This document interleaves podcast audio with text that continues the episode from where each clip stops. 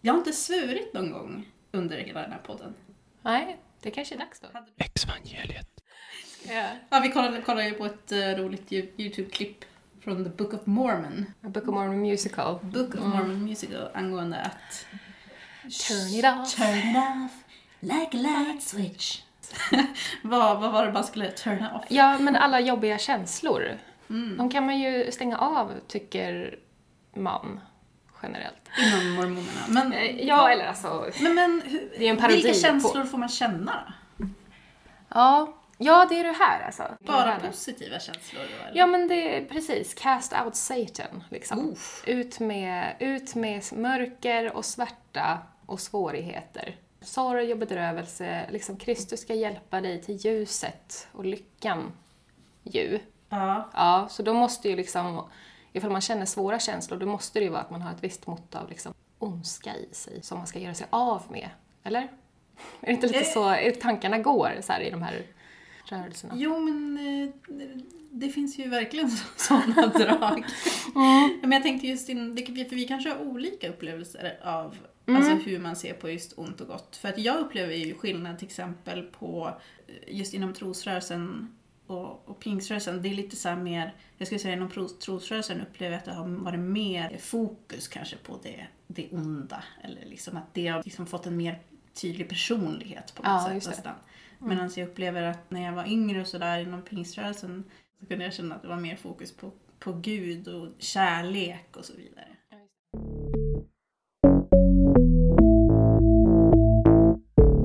Ex, exvangeliet. Jesus lever. Dina synder är förlåtna. Ex, exvangeliet.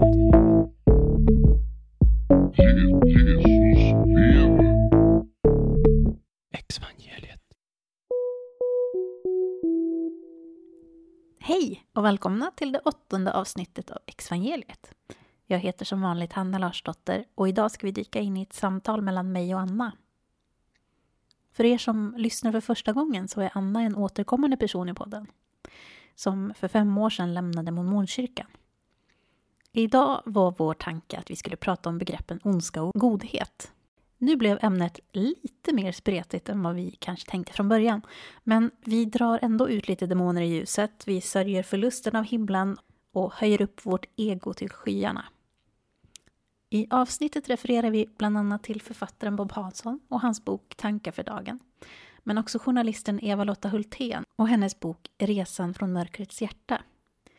Den boken nämner bland annat Milgrams experiment. Stanley Milgram var socialpsykolog och han utförde under 60-talet en massa varianter av samma experiment som i stort sett gick ut på att undersöka människans anpassning under auktoriteter. Han ville helt enkelt undersöka vart gränsen för människors lydnad går. Vi nämner också psykiatern Carl Gustav Jung som var upphovsman till den inriktning inom psykologin som kallas analytisk psykologi eller jungiansk psykologi. Eh, arketyp är ett vanligt begrepp hos Jung, men också skuggsidan eller skuggan som kanske skulle kunna kallas för vårt omedvetna.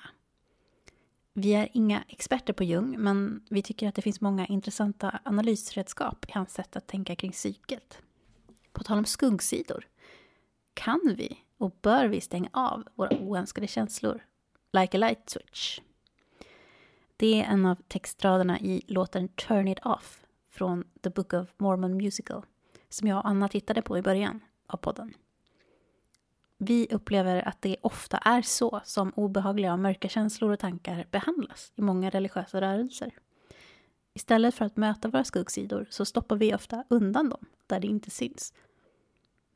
Så här kommer vårt samtal. Varsågoda.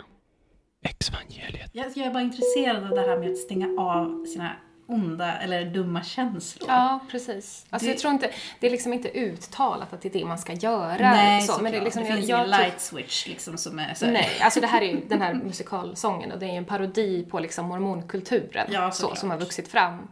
Eh, och jag, liksom, jag tror inte att det är, eller vad jag har upplevt så är det inte liksom uttalat att så här, turn off your feelings. Men alltså att, att, det, att det blir liksom resultatet på något sätt av den här eh, av den här tron som de, som de lever efter och som jag levde efter också. Alltså jag menar, Ja. jag pratar ju om det här för att jag var ju, Ja. jag var ju del av det här. Ja, precis. liksom. Exvangeliet. Eh, Du tipsade ju mig om ett, en eh, podd som heter Jungpodden. Mm. Som hade Bob Hansson som gäst häromdagen. Och han pratar om ett citat från Jung, Carl Gustav Jung, Freuds elev. Vill du helst vara god eller hel? Mm. Och jag fastnade så mycket vid den här, den här frågan. Mm. Vad innebär det ens att vara god? Mm. Och varför sätter man god och hel eh, emot varandra? Jo, tänker jag då, att människan består ju inte bara av det här goda, utan inom oss så tänker jag att det också finns någonting som vi skulle kunna kalla, kanske inte det onda, men ett, någon slags mörker eller jag tror att Jung kallar det för skuggsidan Mm. som är den här liksom, mörkare delen av oss på något sätt. Mm. Det tilltalar mig väldigt mycket just den Ja. här känslan av att få vara hel. För jag kan känna det nu i efterhand när jag har lämnat kyrkan och då blev mer fri att få känna alla känslor i mitt spektra. Liksom. Ja. Att inga, inga känslor eller tankar var fel. Mm. Precis. Då, då kände jag att liksom, jag fick tillgång till, till hela, min, Mm. hela mitt inre på något sätt. Hela min tankevärld. Och, och då innebär ju det också i och för sig att man får acceptera att man har de här liksom, sidorna som inte är kanske goda alltid, Ja, traditionellt sett, eller ska säga. Utan att man också har de här mörkare sidorna. Eller att tillåta sig att ha de här tankarna som kanske liksom skulle kunna klassas som onda då. Ja. Jag ser ju inte riktigt som att de är onda, men, Mm. men det är ju det är ett kom, komplext begrepp. Ja. ja, men precis. Vet, jag tycker att den kristna liksom, tanketraditionen, om man ska säga, i alla fall den som jag har varit del av mycket. Nej, men att den delar ju upp eh, så här, egenskaper och tankar och saker och ting i liksom ont och gott. Och det här är ljust och fint och rätt och av Gud och det här är mörkt och hemskt och dåligt och av Satan. Liksom. Och så personifierar man de här liksom olika delarna av oss som liksom påverkade av Gud eller av Satan på något sätt. Och så ska man liksom vända sig mot ljuset och man ska vända sig mot hoppet och kärleken och det är liksom det kärleksbudskapet. Och man ska bort från Satan och mörkret. Liksom.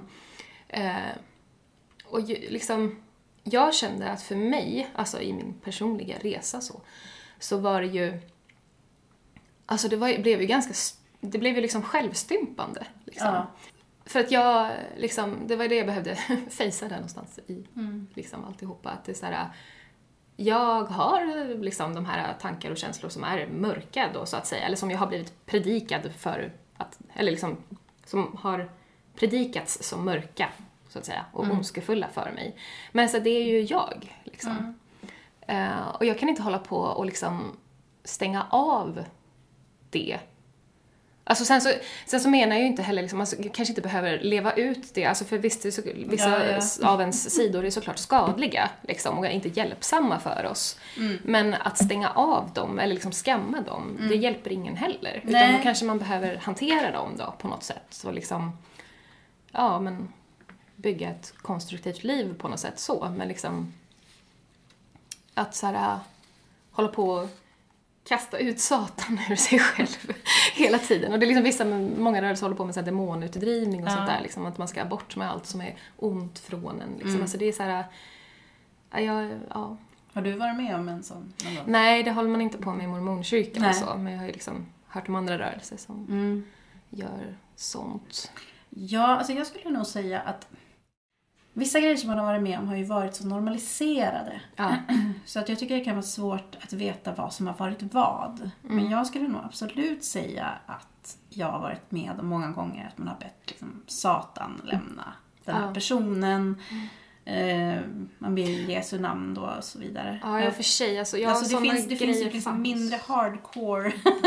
men, men det- ändå att man kan känna det här som att man har någonting ont i sig. Mm, ja. Att, att det är någonting som behöver försvinna från ens kropp, liksom, eller Ja. ens tanke.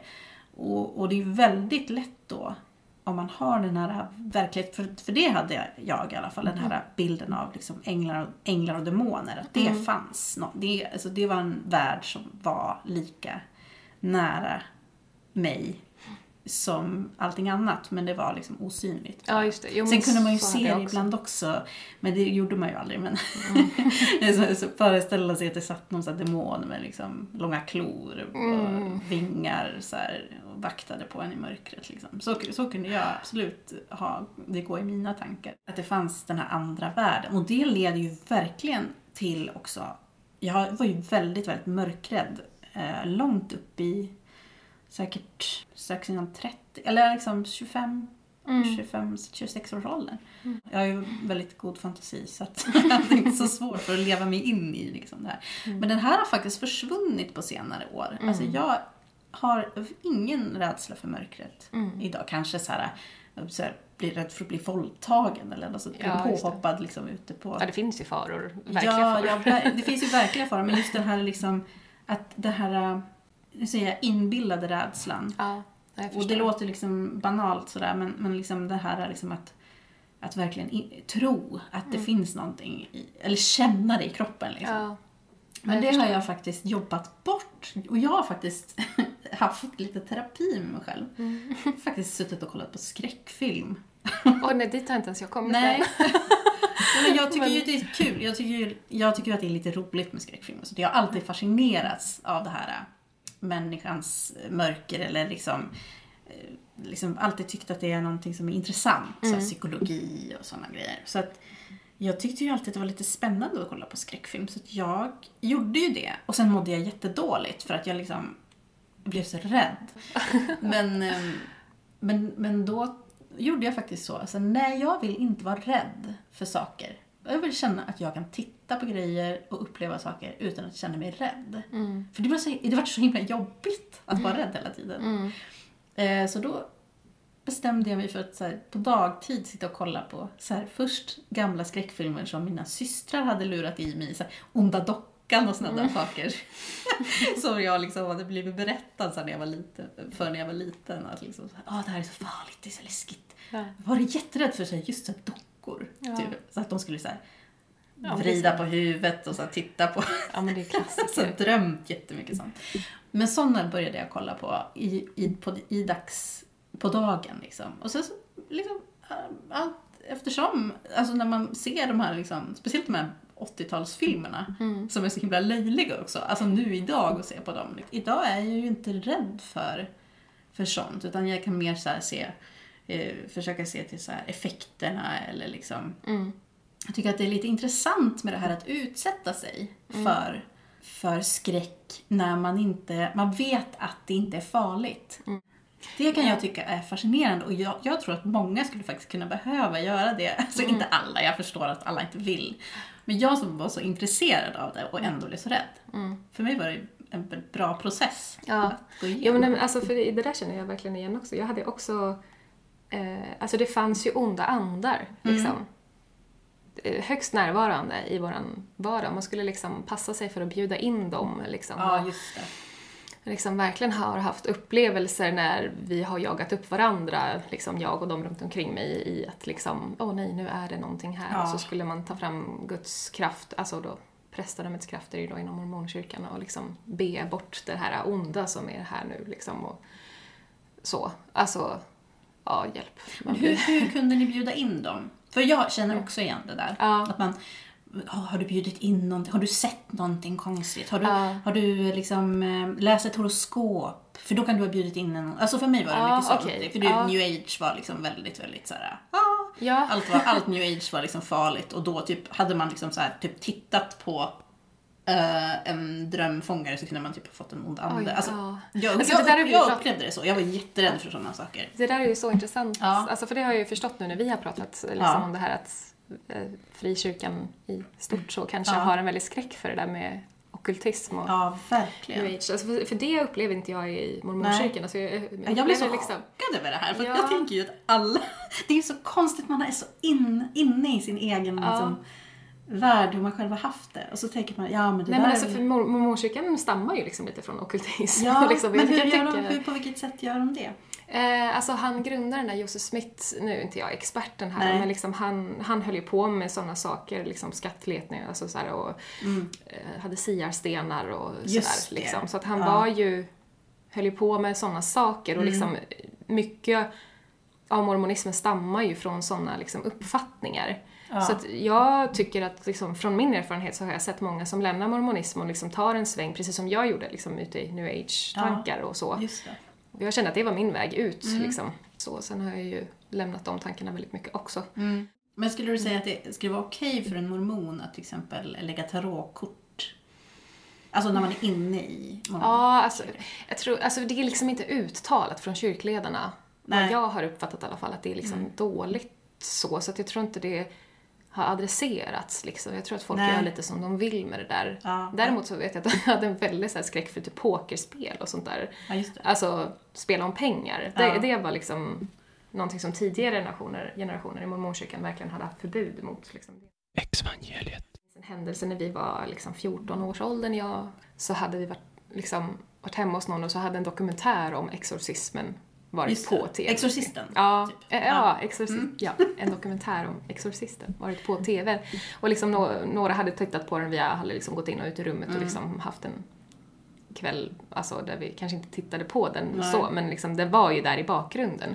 Och den där skrämde ju liksom upp oss och så när vi kom hem till mig sen och skulle sova över ett gäng så började vi trissa upp varandra i att det finns nog en ond ande här liksom. Och, ja, det vart ju liksom hysteri. För att ni hade oss. tittat på filmen? Ja, och då var det liksom, ja men det där kan ha bjudit in den onda anden liksom. Och, Mm. så, ja, så var vi tvungna att liksom kalla på en präst eller en spärare där som skulle be och välsigna bort Ja, och detta. då är det ju en typ av exorcism skulle jag säga. Ja, Fast det är alltså, ju en väldigt light En, version. en liksom. mjuk Ja, exorcism. ja. jag kan rel- relatera till det här väldigt mycket. Som sagt, jag, jag känner igen jättemycket den här känslan av att vara rädd för liksom, mörkret och det Mm. onda. Och det gömmer sig demoner i hörnen och sånt där. Mm. Ehm, jag kan tycka att det är väldigt synd att man ska behöva gå runt och vara rädd. En annan grej är också den här att jag tycker att det är intressant att nu när jag inte är under Guds beskydd Mm. så är jag inte längre rädd. Alltså, Nej. förstår du? Så att jag tänker liksom att om man är troende så borde man ju verkligen inte vara rädd för att man är ju under liksom den högstes beskydd på något Ja. sätt. Att man borde ju känna sig så himla cool. Ja. Bara, no. Men det är ju som, i i alla fall i de här, det här som jag kommer ifrån, inte hos alla men Mm. hos väldigt många så finns ju den här tanken då om att eh, det onda manifesterar sig liksom i demoner och Mm. mörka makter och sånt där. Och liksom, det är klart, att tror man att det finns och att de det liksom är runt om en, det är klart att man blir rädd för det, tänker jag. Mm. Om man nu har den inlevelseförmågan. Så Jag Ja. tror inte alla är det. Jag upplevde det som, som en väldigt, väldigt stark liksom, realitet att det Mm. fanns sådana, Ja, sådana absolut. saker. Ja, Och det, det är det som är liksom, alltså som man skrämmer ju folk till att vara kvar liksom Mm. under Guds beskydd då. Alltså Ja, det, det är ett precis. maktmedel känner jag, liksom från de här Mm. Ja, det kan ju verkligen vara Det kan ju bli det, liksom att man säger nej men du måste göra så här och så här och så här för annars skyddar inte Gud dig. Mm. Och liksom jag hade ju jättemycket eh, rädslor då liksom när jag började liksom luckra upp min tro då och Mm. liksom började luckra upp mina levnadsregler som jag hade. Liksom. Som du sa någon gång där, så, ja, men kommer onda saker hända mig nu liksom när jag Ja. inte längre är under Guds beskydd. Och så, det var väldigt mycket så här historier om typ om man inte betalade tionde liksom. Ja. Fick man höra jättemycket liksom så här, ja och så när de började betala tionde, ja men då sänktes plötsligt hyran och så kunde, alltså sådana där. Ja, Det där känner Ja. jag också igen så väl. Alltså, Det är ju en sån. Men för oss var det väldigt mycket, mycket sådär eh, att man skulle bli välsignad däremot. Om man, alltså det var mer åt det hållet. Att, eh, mycket så här mirakelberättelser kunde det vara. Om att någon kunde känna, Gud säger till mig att jag ska betala liksom 10 000 nu i den här kollekten typ. Ja, Eh, och så fick den här personen, när den kom hem, så fick den en check på typ 100 000. ja, Alltså ja. så, så här Ja. konstiga, sådana berättelser fanns det. Nu kanske jag där tog i lite grann, men den typen av känsla liksom, att Mm. man skulle Ger du så blir du också välsignad, du kommer liksom att få mer. Och det är väldigt... Så var väldigt magiskt tänkande liksom. Ja, precis. Och det tror jag är super, super vanligt. Speciellt hos såna här, eh, nu är inte det i Sverige så mycket kanske, med såna här televangelists i USA. Att det liksom, och det var en sån här televangelist som hade skickat eh, en dollar med i så brev till folk. Och så, och så ser han så här, skicka, skicka, med, skicka ett brev tillbaka till mig med den här dollarn. Så, kom, så kommer du få, liksom, kommer du bli välsignad för att du ger mig pengar. Alltså, ja, Alltså nu när man tittar på det i efterhand, man blir ju så, man blir så upprörd. Ja. För att det är så här, det, man, liksom, nu, nu är det ju så enkelt att se vilken scam det är. Liksom. Ja. Men det var ju inte det när man var vet. i det. Liksom. Och det här är egentligen också en annan diskussion, nu ska vi inte prata om kollekt och tionde. Men det är Mm. Ja. intressant i alla fall. Alltså Ja. det, det finns ju, det är det med maktmedel. Det är jätteintressant tycker jag att, det här, att vi har väldigt liknande upplevelser just av det. Mm. det. Det är det som är spännande med dig och mig någonstans. Att man så här, nu, nu blir det ju så också man bara åh vi har lite, det är samma sak liksom i båda rörelser. Men nu har vi ju andra saker som inte är likadant. Som det här synen på new age till exempel. Mm. Exvangeliet. Ja men den här rädslan, alltså som du sa också Mm. i något avsnitt, där, men liksom att man hade typ som fobier liksom, för saker och ting som var liksom, man hade fått höra att de var farliga liksom, Mm. och så här, ori- orimliga rädslor för saker och ting. Och liksom hur spännande det var liksom att gå emot de här sakerna en efter en och bara känna Mm. så här, att det enda som hände var att man blev mer och mer trygg i sig själv liksom, Mm. och mer, mindre och mindre rädd för omvärlden Mm. och, och för sig själv, liksom, för sina egna skuggsidor Mm. så att säga. Eller liksom att det, om en spöken spricker i dagsljus, säger de ju. Ja, precis. Att det är liksom... Ja, men exakt. Jag tror Ja. att det, blir, det är det som är grejen när man drar ut alla de här mörka grejerna och vågar liksom titta på dem och Mm. Ja. se så här. Jaha, det Ja. var inte så farligt liksom. Alltså det har ju hjälpt mig jättemycket. Mm. Och jag tror att det håller, det, det eh, kan man inte göra riktigt när man har den här, när man lever i den här Mm. eh, tron på att man faktiskt kan bli skadad av de här sakerna. Ja. Liksom. Och när man sen upptäcker att man, jaha, man, man kan se på den här skräckfilmen och nej men det är okej. Eller Ja.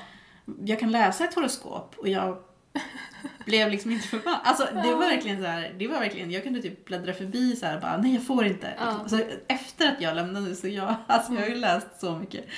Alltså jag har bara så här göttat mig liksom. Läsa så här horoskop. Alltså, ja. Det behöver inte betyda att jag liksom tror på det. Mm. Därför att jag är också väldigt skeptisk mot ja, men, allting som har med sånt som man inte kan visa vetenskapligt och sådär.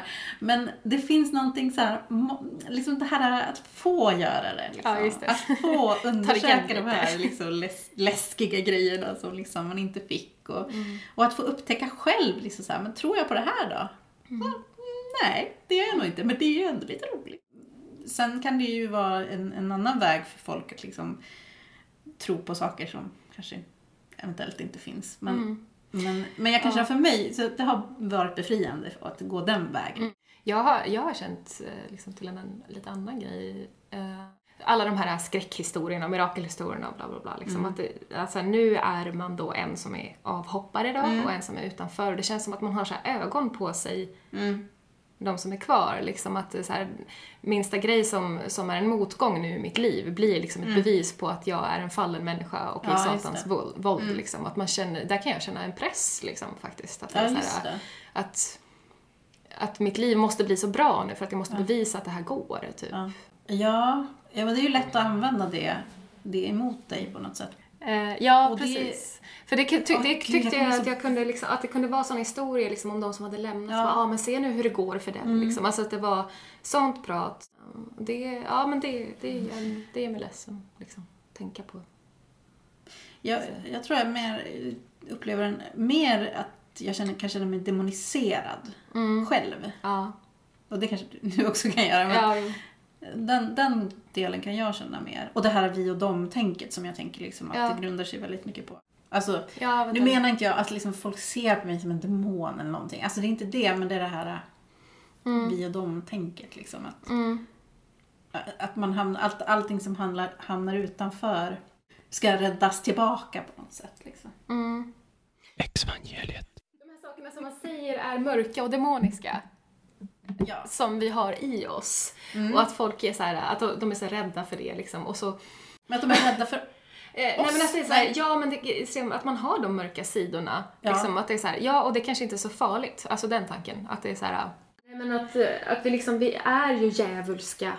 Alltså, vi har ju de här Jaha, sidorna. Och liksom så här, vi, vi, Vi är ju ett det. äppelskrutt. Vi är ju... Ja men jag är ju ett äppelskrutt. Ja, precis. Liksom. Och det är så här, det är inget fel med det. Vi är, Alltså, vi är fallna, fast Ja. vi är inte... Alltså vi, ja. Ja. men förstår vad du menar. Ja. Ja. Att det Hur ska vi göra det här förstå? Alltså så här, ja, jag, det var jättejobbigt att lämna kyrkan. Jag blev, Ja, ja. jag liksom ja, nu ska jag inte vara för personlig här, men liksom jobbat Ja. mig igenom min beskärda del av depression Ja. och allting. Liksom. Ja, ja, det är ju jag också. så Ja, eh, och liksom att man, att man hamnar ju i de svårigheterna. Man Ja. gör ju det. Ja, ja. Eh, och det är mänskligt, det är inte demoniskt. Alltså Nej, det är så här, precis. att vi claimar vårt Du, äppelskott du våran blir inte demon. utsatt av demoner bara för att du får en depression efter att du har lämnat Ja. kyrkan. Ja, Exakt. tack! Halleluja! Ja, alltså det där är super, super viktigt. Grejen är så, ibland när man tänker på såna här saker så kan hjärnan liksom slå knut på sig själv. ja.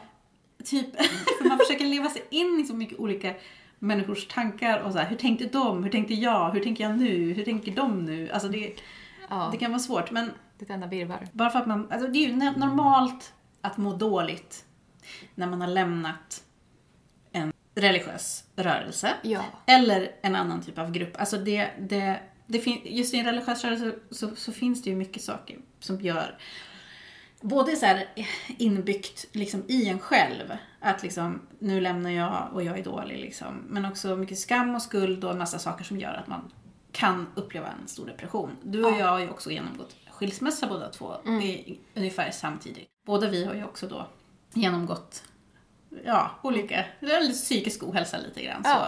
så, under den här tiden.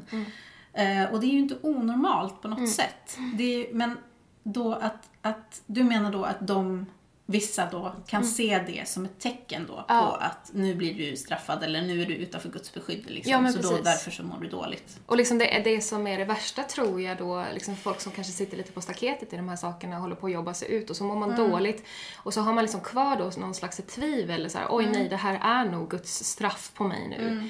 Att liksom den psykiska ohälsan eller liksom Alltså fullkom, fullkomligt mänskliga, normala reaktioner från ens psyke därför att man håller på att liksom eh, göra slut med Ja. sin frälsare. Inte bara det, det är ju hela sin familj, Ja, allting, allting liksom. Det, Ja. det är självklart att man att det gungar under fötterna. Och så ska det då liksom vara en sån här hulling som, som man har kvar i sig då liksom att Mm.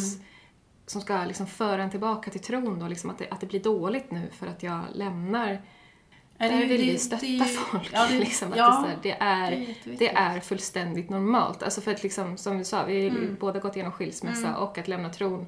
Om jag jämför dem, så Mm. liksom att lämna tron, det är ju, var ju tre gånger så jobbigt att lämna tron som att göra en skilsmässa. Och alla har ju Mm. förståelse för att en skilsmässa är jobbig och tar minst Mm. ett år av sorg och allt för det. Eller ja, så. Alltså bara take my word for it, liksom att det är det är jobbigt och det får vara det. Utan att det är en demon som har hoppat på dig. Ja, liksom. precis. Exvangeliet. Men jag tror den här nedbrytningen av sig själv och den man var och rekonstruerandet av sig själv. Mm. Det, kräv, det, det gör att man mår dåligt. Man kommer inte att må bra hela tiden. Nej. Men eh, det, det finns ljus där någonstans. Ja, och liksom Eh. livet kommer ju aldrig bli detsamma igen. Liksom. Nej. Vi ska inte tillbaka. Alltså det är det jag tycker är svårt liksom, när folk Folk som jobbar sig igenom depressioner och utbrändhet Mm. och, av olika slag liksom, så pratar de om att man ska hitta tillbaks till sig själv. Ja, just det. Men jag är så här, vad ska jag tillbaka till? Alltså jag har ingen, alltså så här, min, det som jag kommer ifrån är borta liksom.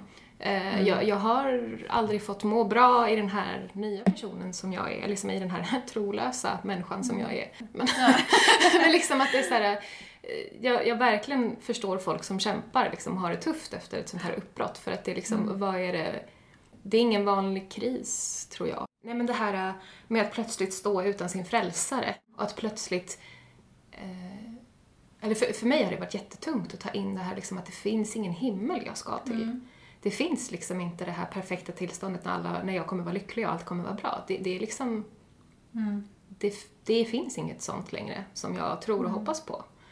Eh, och att liksom behöva ta in så att mitt liv kommer ta slut och jag tror inte längre på ett liv efter döden och jag tror inte längre på en Gud som kommer och räddar mig om jag ställer mig på knä liksom från allt som är jobbigt. Alltså att det är så här, den där to, liksom, insikten av att man är totalt ensam och att det liksom inte är...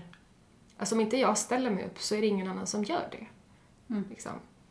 Alltså det är ju liksom... Vad menar du med ställer upp? Om det inte du som... Om inte jag, om inte jag liksom, alltså när jag är i i i svårigheter. Ja, det. Om inte jag reder upp dem så är det ingen som gör det. Nej. Liksom. För jag trodde ju att jag hade en gud liksom, som, som skulle hjälpa mig igenom allting. Ja. Eh, men liksom, någonstans så insåg jag att det är ju jag som har gjort det här hela tiden. Man har liksom tillskrivit Gud äran för allt som man har åstadkommit hela tiden. Att liksom allt som var gott och bra i mig, det var liksom resultat av Guds arbete. Och liksom att det blev någon slags så här urholkande av ens egen självkänsla, eller urholkande av ens egen självförtroende. Liksom att allt bra som jag gjorde, det var inte egentligen mitt, utan det var Guds. Liksom. Så liksom att ta tillbaka den där kraften, eller liksom att ta in den kraften och liksom så här inse att så här, men det är jag som reder upp mitt liv, det är jag som ser till att saker och ting händer. Eh, både väldigt liksom empowering, vad säger man, stärkande Verkligen. och även totalt skräckingivande.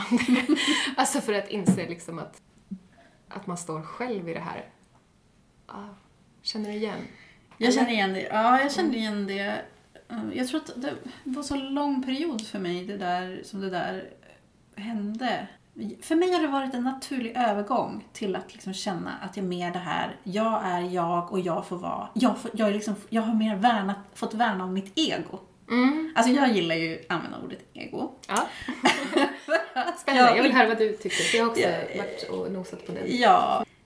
Nej, men jag tycker att man inte ska vara rädd för att höja upp sig själv. Halleluja! Halleluja! Praise, praise Hannah! Praise Anna! Ja, förlåt. Ja, nej men alltså, det, det, bara för att man höjer upp sig själv så behöver ju inte det betyda att man liksom är narcissist, tänker jag. Nej. Alltså, och det här säger jag eh, efter att ha kommit ut ur en kultur som jag upplever är väldigt så här, självutplånande. Ja.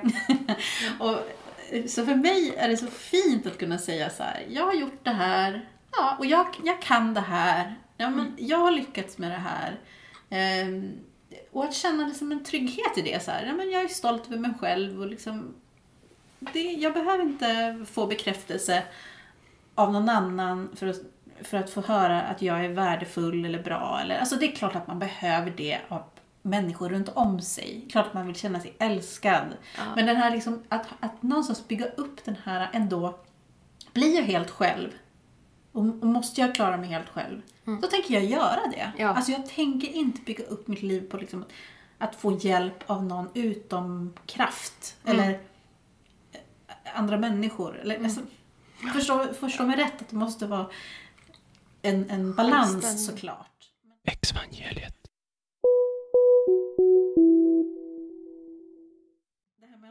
Snäll. Att det finns en, en snällhet som är liksom falsk på något sätt.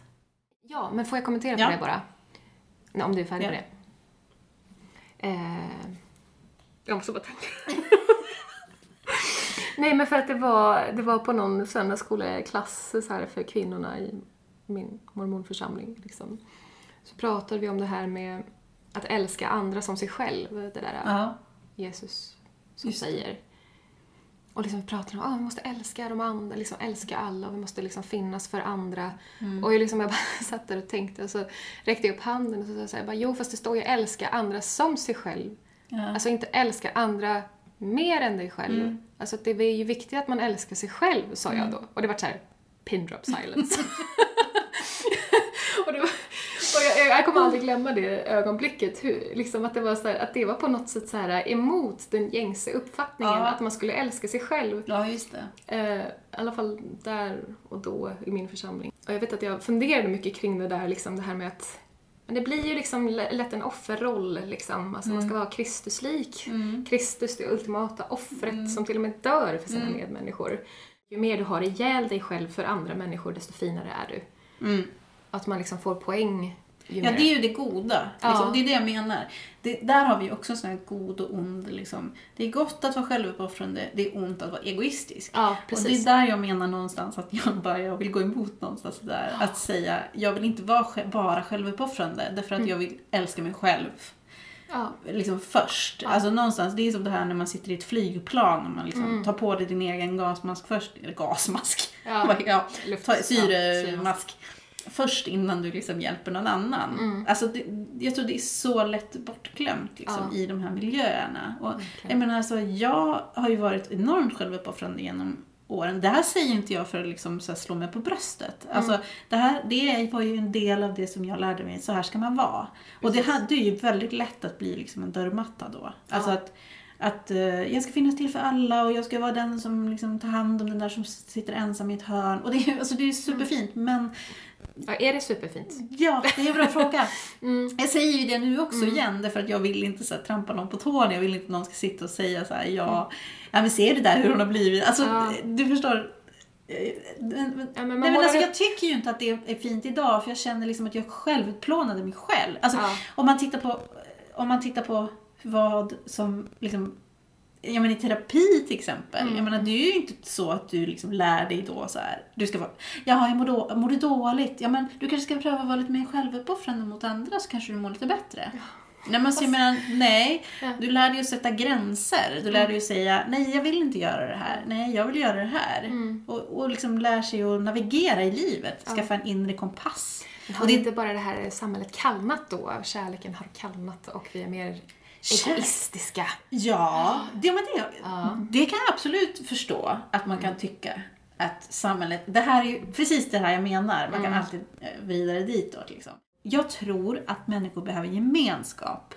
Alltså det tror jag. Ja. Och att vi behöver finnas till för varandra. Det tror jag. Men det får inte ske på bekostnad av den ena egna personen. Alltså det tror jag bara le- leder till att allting blir bara så urvattnat liksom. Ja. Alltså man måste ju kunna få, odla sin person och känna in sig själv och känna in hur mår jag liksom. Ja.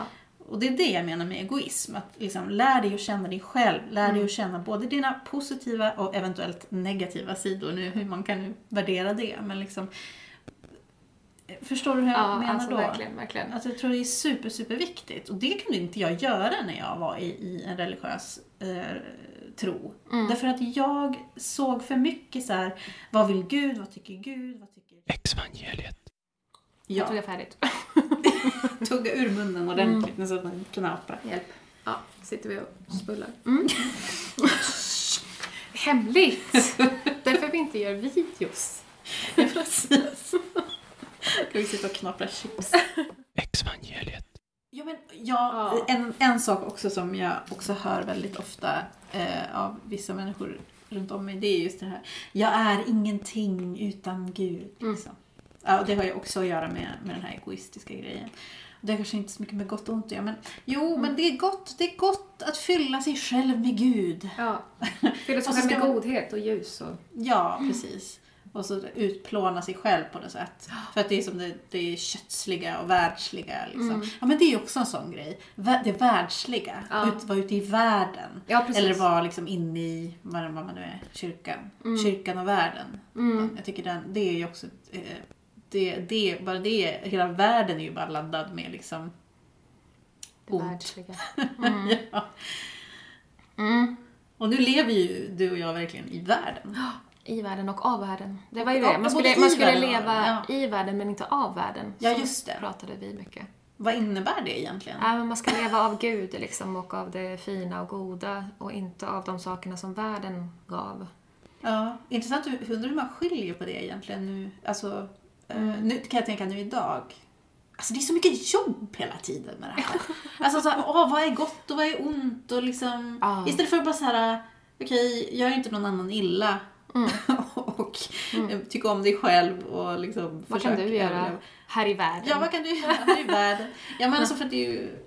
Nej, men, så jag, tänkte, jag tänkte prata lite om det här det, rädslan för det annorlunda också. Eller Ja. det, den, den andra, vi och dem. Ja. För där tänker jag också att det är ju så lätt för människan att tänka i vi och dem-termer. Och då har jag ju läst en väldigt bra bok Mm. som heter Resan från mörkrets hjärta av Eva-Lotta Hultén. Och den handlar om ondskans och godhetens mekanismer. Just. Eh, och hon skriver väldigt mycket om just det här att eh, hur vanliga människor kan utföra handlingar som vi då överlag i samhället ser som onda. Eh, och hon skriver liksom hur hon eh, vill förklara hur helt normala människor under vissa omständigheter kan begå outhärdligt grymma handlingar. Och så vill hon visa på att det är samma mekanismer som är verksamma vid mobbning och som vid folkmord. Alltså, eh, det är bara en gradskillnad och inte en artskillnad. Även om hon menar då att de graderna på det här är många mellan mobbning och folkmord. Men det finns liksom liknande mekanismer. När, när någon ser ett riktigt så grovt övergrepp på andra människor så vill man ofta förklara det som att det måste bara vara ren ondska. Liksom. Man har svårt för, att förstå hur den här människan kan utföra såna här onda handlingar. Och då skriver hon så här. De flesta som har grundläggande kunskaper i socialpsykologi vet att det visst går att förstå de här mekanismerna. Och liksom varför människorna gör det här. Och att o- oviljan att söka de här förklaringarna, det, eh, det beror inte på att det inte går att hitta förklaringar, utan att det är brist på vilja att förstå. Och hon pratar om att det är troligtvis en effekt av beröringsskräck. Alltså vi vill hålla det här onda långt borta från oss. Eh, och vi vill varken behöva se oss som offer eller som möjliga förövare. Just det. Det är jättejobbigt att fejsa sina, Ja, sin, sin att- svärta och sina Att du skuggsidor. eventuellt skulle kunna bli en förövare. Ja.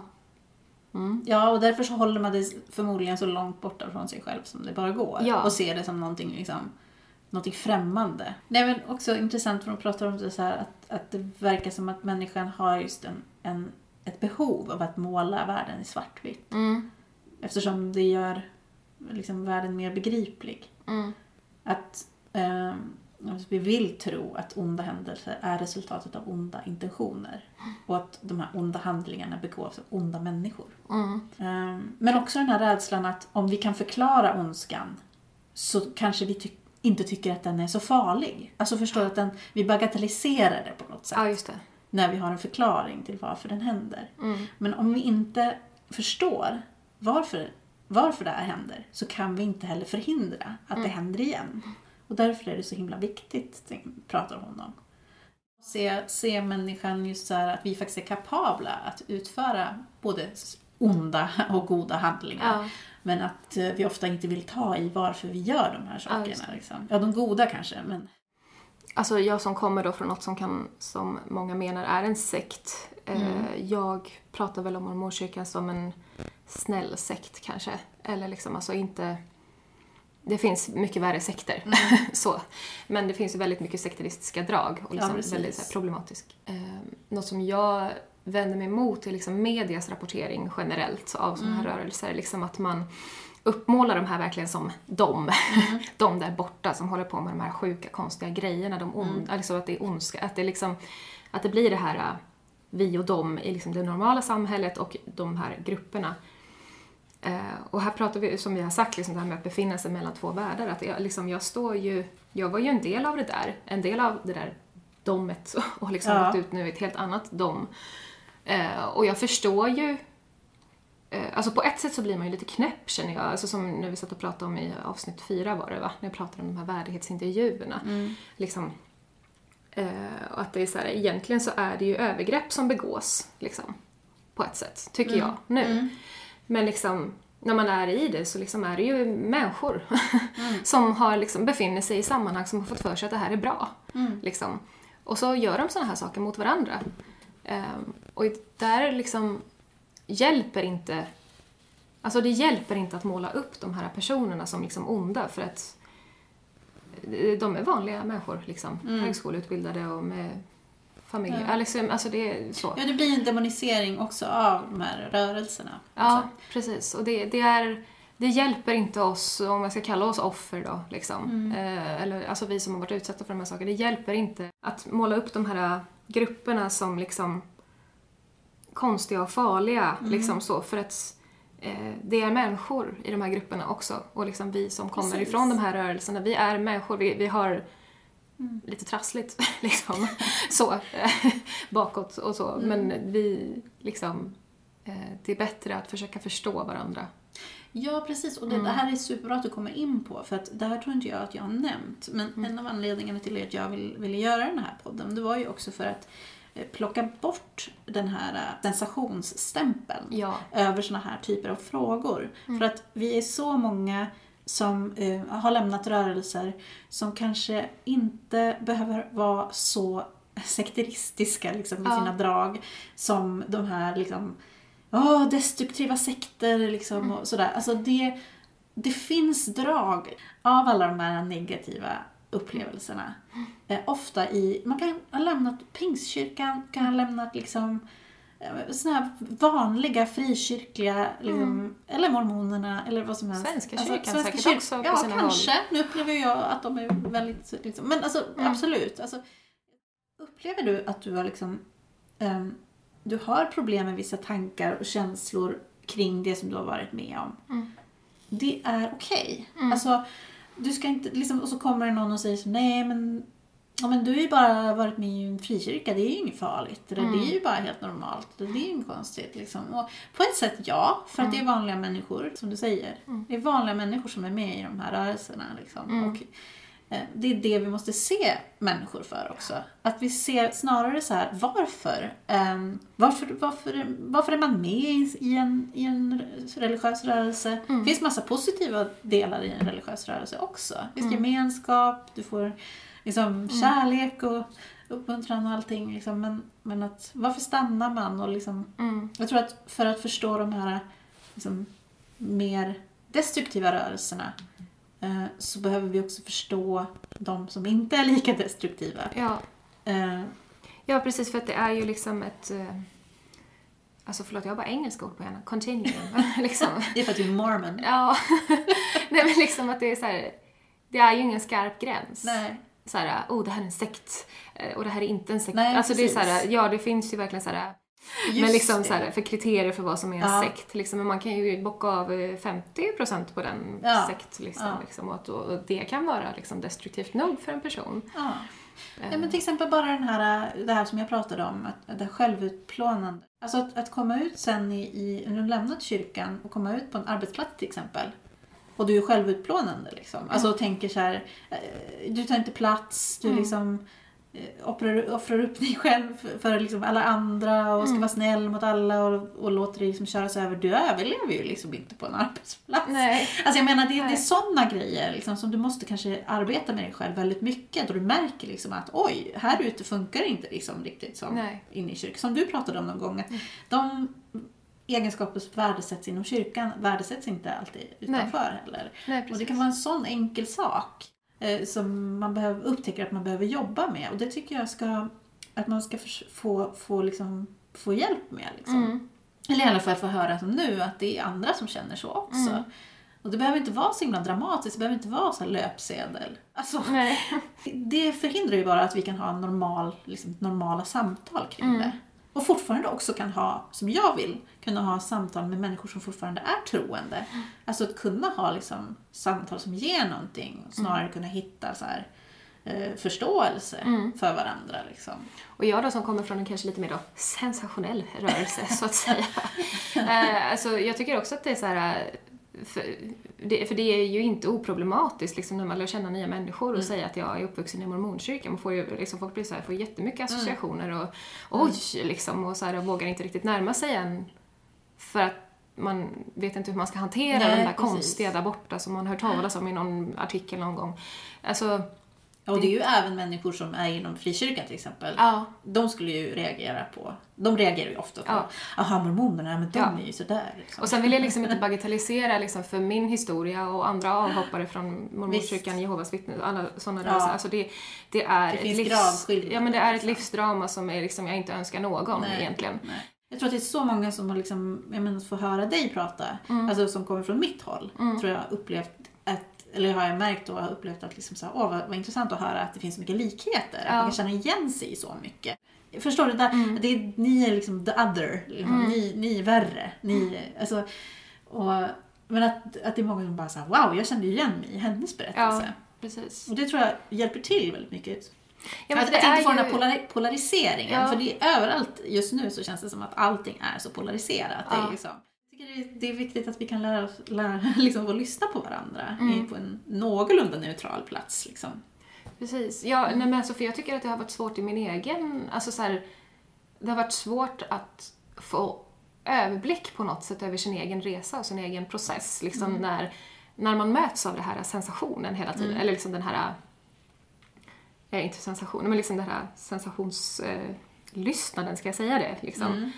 Mm. Eh, att det blir att ja, men man har svårt att behålla perspektivet på vad, det, vad som som har Mm. faktiskt hänt.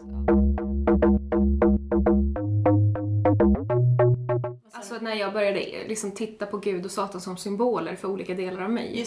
Istället för att det var verkliga krafter utanför mig. Liksom. Ja. ja. Då kommer vi in på Jung- Jungs arketyper. Ja, precis. Att det finns Ja. liksom vissa bilder, alltså mentala bilder som vi har. Mm. Som modern och fadern och Mm. djävulen och Gud. Och liksom att det är mer, mer symboler för någonting Mm. som vi alla liksom föreställer oss. Ja, men sätt. precis. För, för det var det som jag navigerade lite efter när jag liksom tog mig ur det här magiska tänkandet, eller vad man ska säga. Liksom att jag började se på Gud och Satan som liksom olika personifieringar eller liksom symboler för olika delar av mig. Liksom. Just det. Eh, och jag slutade se dem som liksom verkliga varelser utanför mig i etern Mm. någonstans. Liksom. För som jag sagt också, jag, jag förnekar liksom ingenting om det här andliga man har upplevt eller liksom upplevelsen av Gud. Eller så. Alltså, allt det där har jag upplevt. Och, så, och liksom nu ser, det, ser jag på det som att så här, det är ett sätt att tänka om sitt inre. Och det var när jag liksom tog in det där och till att, som jag nu säger då, förstå att det är, det är bara olika delar av mig. Det var då jag liksom slutade vara troende, så att säga. Alltså för det är ju det här, jag har liksom fått höra då folk som bara, "Ah, hon tappade sin tro. Ja. Jag bara, fast jag kände inte att jag tappade min tro. Jag Nej. kände att jag mer utvecklade min tro till att börja tro på mig själv. Mm. Och till att börja tro på mina känslor och till att börja tro på min väg framåt på något Mm. sätt. Alltså för att ett tag så liksom kände jag det som en stor förolämpning liksom när någon pratade om att jag hade tappat min tro. Jag bara, Mm. alltså, alltså att tappa min tro, det för mig skulle vara liksom att vara självmordsbenägen. Då har jag tappat tron. När jag inte tror på liksom mitt, att jag har en anledning att leva längre. Så, här, så började jag tänka. Ehm, Jag tror det är samma sak där, den här uppdelningen av liksom tro eller inte tro. ja, Det är som, att det blir, där blir det också den där liksom polariseringen. Mm. Medan du, både du och jag tror jag upplever det mer som att vi har liksom, ja, men utvecklat det till någonting annat. Att vi Ja. tror ju fortfarande på saker. ja, Alltså kärleken och mänskligheten och ja, vad vi nu tror på. ja tror eller drar liksom lite klyschor. Men alltså att, att vi tror fortfarande på saker, vi tror på oss själva, vi tror att vi liksom tro på vetenskapen. tror på, ja, men massa saker. Det, det, det, blir så, det blir så fattigt när man bara beskriver det som att man har tappat sin tro. För det, jag upplever mer att jag har utvecklat min tro Ja. på någonting som jag känner mig mer bekväm med med mig själv. Ja. Alltså som känns mer som jag. Precis. Och det behöver inte innefatta en gud, utan det kan innefatta massa andra saker. Mm. Som, eh, som känns mer ärligt mot mig. Ja men precis, det här liksom att man målar upp dem som har tappat sin tro och som att det liksom då börjar de bara tänka på sig själva eller då bryr de sig inte, då tappar de sin moral eller då liksom eh, slutar man göra goda gärningar för varandra. Alltså att det blir så här. Och jag blir så här, ja, jag kanske har blivit mer egoistisk i deras ögon. jag försöker ta det hand om mig hoppas jag själv. verkligen att du har. Ja, liksom jag, har försöker, jag liksom försöker ta hand om mig själv, försöker ha gränser Ja. mot folk runt omkring mig så att de Ja. inte ska trampa på mig längre. Eh, så här, ja, det kan man väl kalla mer demoniskt då. Mm. Liksom. Jag kanske har blivit då en satans efterföljare. Ja, I den meningen. precis. Men Ja. liksom att det är så här, sluta demonisera de sakerna som man behöver i sitt liv för att må bra. Exvangeliet.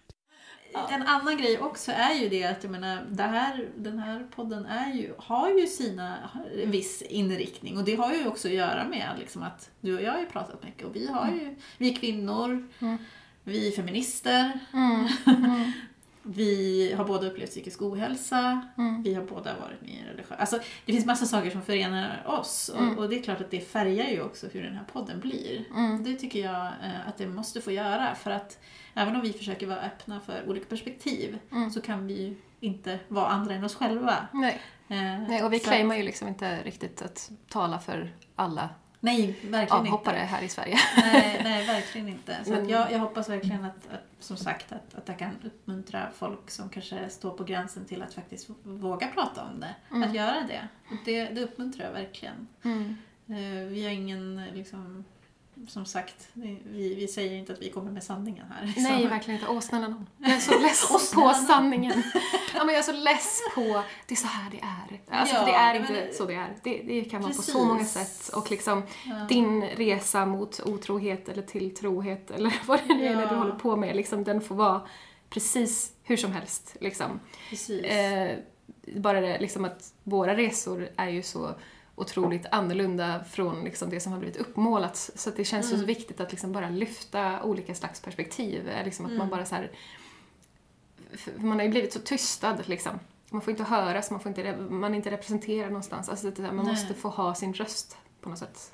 En sak att tänka på när man faktiskt kommer ihop, eh, flera som har varit med om liknande saker, det är ju också att man hamnar i det här som man kallar för bekräftelse-bias. Alltså att vi kan sitta bara och bekräfta varandra. Så här, ah, du har upplevt det här, jag har också upplevt det. Och sen så sitter vi liksom och så här blir en grupp som bara sitter och bekräftar varandra. Och det vill vi ju inte heller vara.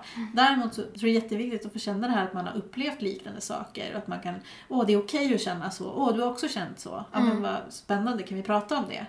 Men jag tror att det är viktigt att vara medveten om också det här att vi vill inte bara lyssna på ett perspektiv, vi vill, vi vill höra flera. Liksom. Eh, Jag vill gärna lyssna på människor som tror också eh, fortfarande att det inte behöver vara bara det där. Liksom, att, och också som sagt att en medvetenhet om att ja, men det kanske har med min person att göra. Att jag har känt vissa saker eller upplevt vissa saker. Att jag upplevde vissa saker i tonåren. Det kan ju ha att göra med att jag bara var tonåring. Det behöver inte betyda liksom, att det var på grund av kyrkan. Nu tror jag ju att väldigt många saker påverkades väldigt mycket av det. Men, men det är viktigt att ha det i åtanke tror jag. Sen så tänker jag, alltså en del saker som vi upplevde som vi är ju både 80-talister, du och jag liksom, Mm, exakt. och växte upp i någon slags 80-90-tals Sverige. Mm. Och det var ju många saker som var liksom allmänt i Sverige Mm. också som, som var i våra uppväxter. Liksom. Exvangeliet. Men, men, det, här, men det, det är bra det här med, med, med, med, med till exempel att definiera så här, godhet och ondska eftersom vi har lite, lite, lite det temat idag. Men, Ja. Men det är ju jättesvåra definitioner tycker jag. Alltså, det tänker jag är någonting som liksom det är så olika beroende på vad man pratar om. Så Ja, för att det är liksom, jag läste en artikel i DN i morse när de pratade om liksom eh, gamla Östtyskland och eh, tog upp det här liksom bara, men vem hade du varit i ett auktoritärt system? Hade du varit den som klättrade i hierarkin och liksom lydde order och blev duktig? Eller hade du varit den som rebellade och sa emot mot det du tyckte var moraliskt fel? Det är en jätteintressant fråga att ställa. ja, precis. Och det är lätt att säga Ja. att jag skulle ha varit den här och den här. Ja. För att jag vill göra gott. Mm. Men det är inte kanske riktigt så lätt. Nej, men det här är intressant. Alltså, I den här boken eh, Resan från mörkrets hjärta så pratar, eh, då är det en filosof som heter Harra, Hanna Arendt som pratar om eh, den bana, banala ondskan. Jag tror det är, hon har skrivit en bok som heter Den banala ondskan. Om, om förintelsen bland annat då. Ja. Eh, och att man kunde använda sig av ett, alltså ett tankeknep för att liksom legitimisera sin egen liksom, roll i det här då. Istället för att säga vilka fruktansvärda handlingar jag begår mot andra människor så skulle man säga eh, vilka fruktansvärda gärningar jag måste utföra för att göra min plikt. ja, precis. Man Vilket tungt skulden. ok som lagt på mina axlar. Lägger ut att jag måste mörda andra människor. Alltså, det är intressant det där. Alltså, för att ondska kan ju, förvri, kan ju vridas till, godhet Ja. eller uppoffring beroende på hur man ser på det och vilken vinkel man ser på det Ja. ifrån. Liksom. Som har skrivit den här boken menar i alla fall att, att vi, vi tror oss alla att vara goda och rättfärdiga och ifrågasättande. Och ingen kan se sig själv som grymhetens hantlangare men det är egentligen precis vad de flesta faktiskt är beredda att bli. Och det kan man se i olika experiment. Bland annat Milgrams experiment tar den upp här. För de här experimenten handlar väldigt mycket om just att lyda auktoriteter till exempel. Och då menar de att den här förmågan och villigheten att lyda auktoriteter har ju i många lägen gynnat oss liksom, människor. Att det garanterar trygghet, lugn och stabilitet. Ehm, men samtidigt så ställer hon också frågan att på samma sätt som att det- borde ha liksom varit gynnande så måste ju också den här egna initiativförmågan och det rebelliska också ha varit viktigast i vissa tider. Mm. Så att beroende... Pendlingen mellan de två hela tiden. Ja. Exvangeliet. Final words. Det ska bli så spännande att klippa ihop det här. Ja. Man vill ju fånga in så mycket som möjligt liksom. Så att folk kan också få känna igen sig och relatera. Samtidigt, eh, det är svårt att fånga allting i ett, i ett avsnitt. ja. Ehm, Men, men i andra säsongen så har jag faktiskt tänkt att vi ska ha lite mer expertis och sådär. Så vi kan gå in kanske lite djupare på vissa frågor. Det är outtömligt det här. Det här dekonstruktion, religion, psyke, psykologi. Och det, det är egentligen märkligt hur lite det pratas om det i Sverige. Mm. Faktiskt. Som du säger, det har inte liksom riktigt funnits det här samtalet alltid kanske. Vad händer i det här vakuumet som uppstår liksom, när tron försvinner? Eller, eller om man väljer att stanna kvar? Ja, Ja men, det, men det, det är verkligen sant. Alltså nu är inte jag överblick sådär så att jag är expert på hur det här samtalet har förts liksom. nej, Alltså, nej, vi kanske har så. missat allt. Men det som jag upptäcker är ju att alltså, det finns en väldigt stor oförståelse, tror jag, bland de som inte har kyrklig bakgrund Mm. för faktiskt hur det ser ut inom kyrkan Ja. och vad, hur man tänker och tycker. Och ofta när jag nämner grejer som liksom jag var med om eller hur, hur jag tänkt en gång i tiden så är det så här, va? Ja, Mm. hur kan du tänka så? Och det är ju så konstigt och sådär. Så får jag säga typ såhär, ja men vet du om att typ hela världens befolkning är typ religiös? Alltså, alltså du är typ unik. Liksom. Ja. Ja. men alltså, och det... Så, så på något sätt så kan jag ju också tycka liksom, det har ju varit nyttigt att få de här erfarenheterna. Ja, kunna förstå andra kulturer liksom, där religion har en mycket större roll överlag. ja.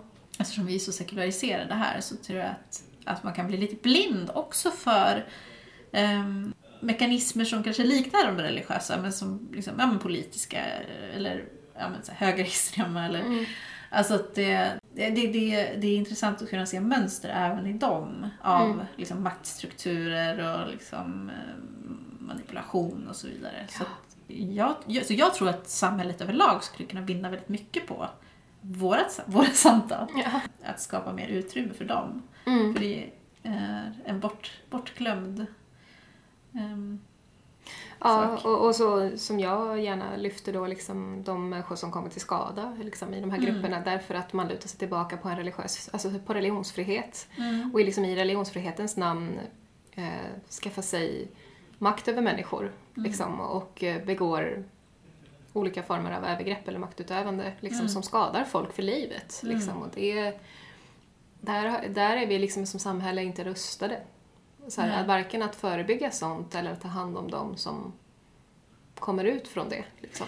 Ja precis, jag tror att det kan finnas en rädsla just att prata om, om Ja. religiösa rörelser. Ja. Alltså att prata om dem utifrån, alltså att vara lite kri- kritisk. Någonstans kan jag känna att där har vi ju insyn i hur faktiskt, och respekt också för, Ja. eftersom vi då har människor som Mm. är med fortfarande och, och liksom, Mm. och man själv har varit med så har man liksom en ja, respekt och förståelse för, för båda sidorna. Som Mm. sagt. Nej, alltså för, för jag är så här, jag har ju noll problem med att folk har en tro på en gud. Alltså verkligen. Det är så här, om folk eh, vill ha en religiös tro liksom och vända sig till en gud i svårigheter eller vad det nu är när man får ut av det. Liksom, så.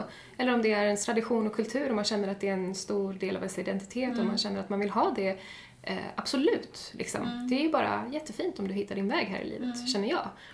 Eh, Men jag blir extremt kritisk när den tron ska användas som en ursäkt för att trampa på andra människor. När någon då har kommit till skada i de här grupperna så finns det också den här, ja ah, men jag gjorde ju bara som jag trodde var bra.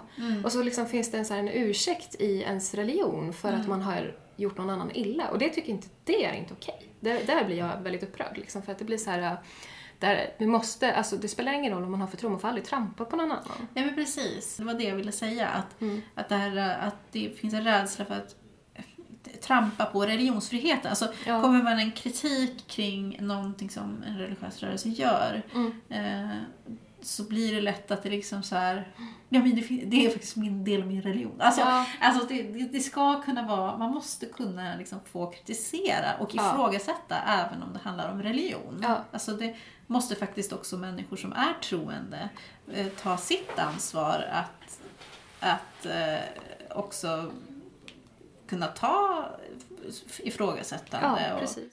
För, för jag, alltså jag kan känna så när jag tänker tillbaka på min tid som troende eh, så var det liksom, jag blev väldigt sällan liksom ställd mot väggen. Eh, så här, folk var väldigt så här, när jag sa att jag var mormon, liksom, folk var så här, oj, liksom, och så vågade de inte ta saker Nej. Eh, så, och, och nu när jag har liksom lämnat och förstått liksom hur mina åsikter sågs på från samhällets håll så kan jag ju skämmas otroligt. Liksom. Och var väldigt ledsen på att det var ingen som liksom ruskade om mig tidigare. Jag, jag förstod ju inte att jag kom från en rörelse som liksom predikade förtryck mot homosexuella eller, Nej, liksom, nej. eller kvinnoförtryck som jag också var en del av som jag inte försåg. Liksom. Alltså så här att det var att jag på något sätt stod för de värderingarna i samhället. Det förstod liksom inte jag och det kan jag vara ganska ledsen över att, att ingen konfronterade mig med eh, så här i efterhand. Exvangeliet.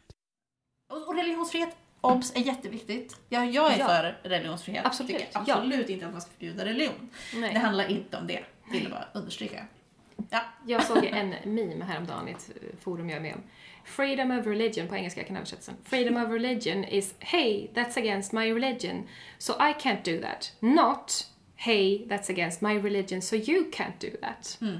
Alltså det är en sån viktig skillnad. Alltså religionsfrihet handlar om att du är fri att göra dina egna val. Inte att någon annan ska tvingas göra val för att du tror på ett visst sätt. ja, precis. Och där kommer ju liksom ur den eh, amerikanska ehm, debatten om abort. Eh, så, så det, är där, det. det var där det diskuterades. Liksom att, Och- så här, ja. att de sätter sig emot abort då för att det är emot deras religion och så ska Mm. de tvinga hela landet till att liksom lyda deras Mm. tro på det här. Då, på något sätt. Det, det är inte religionsfrihet tycker jag. Nej. Det, det, då vill jag gå så långt som att säga att det är faktiskt religionsförtryck. Mm. Liksom. Att man använder religionen för att förtrycka folk runt omkring sig. Mm. Liksom. Och där, där måste man liksom vara... Där måste vi som samhälle ta debatten. Mm. Liksom. Håller med. Tack för idag. Nu börjar vi närma oss slutet på vår första säsong. Så sista avsnittet sänds, om allt går som det ska, nästa vecka. I början av december har vi en liten meet and greet i Stockholm. Så vill du träffa deltagare i podden och andra människor som kanske är i en liknande situation som dig, kolla in vårt event på vår Facebook eller Instagram-sida. Eller gå in på vår hemsida www.exvangeliet.com. Du kan också höra av dig till oss och prenumerera gärna på podden så att du inte missar något avsnitt. Till nästa gång, var inte rädd för mörkret. Chilla! Och Exvangeliet är de glada nyheterna för dig som lämnat tron. Hej då! Exvangeliet.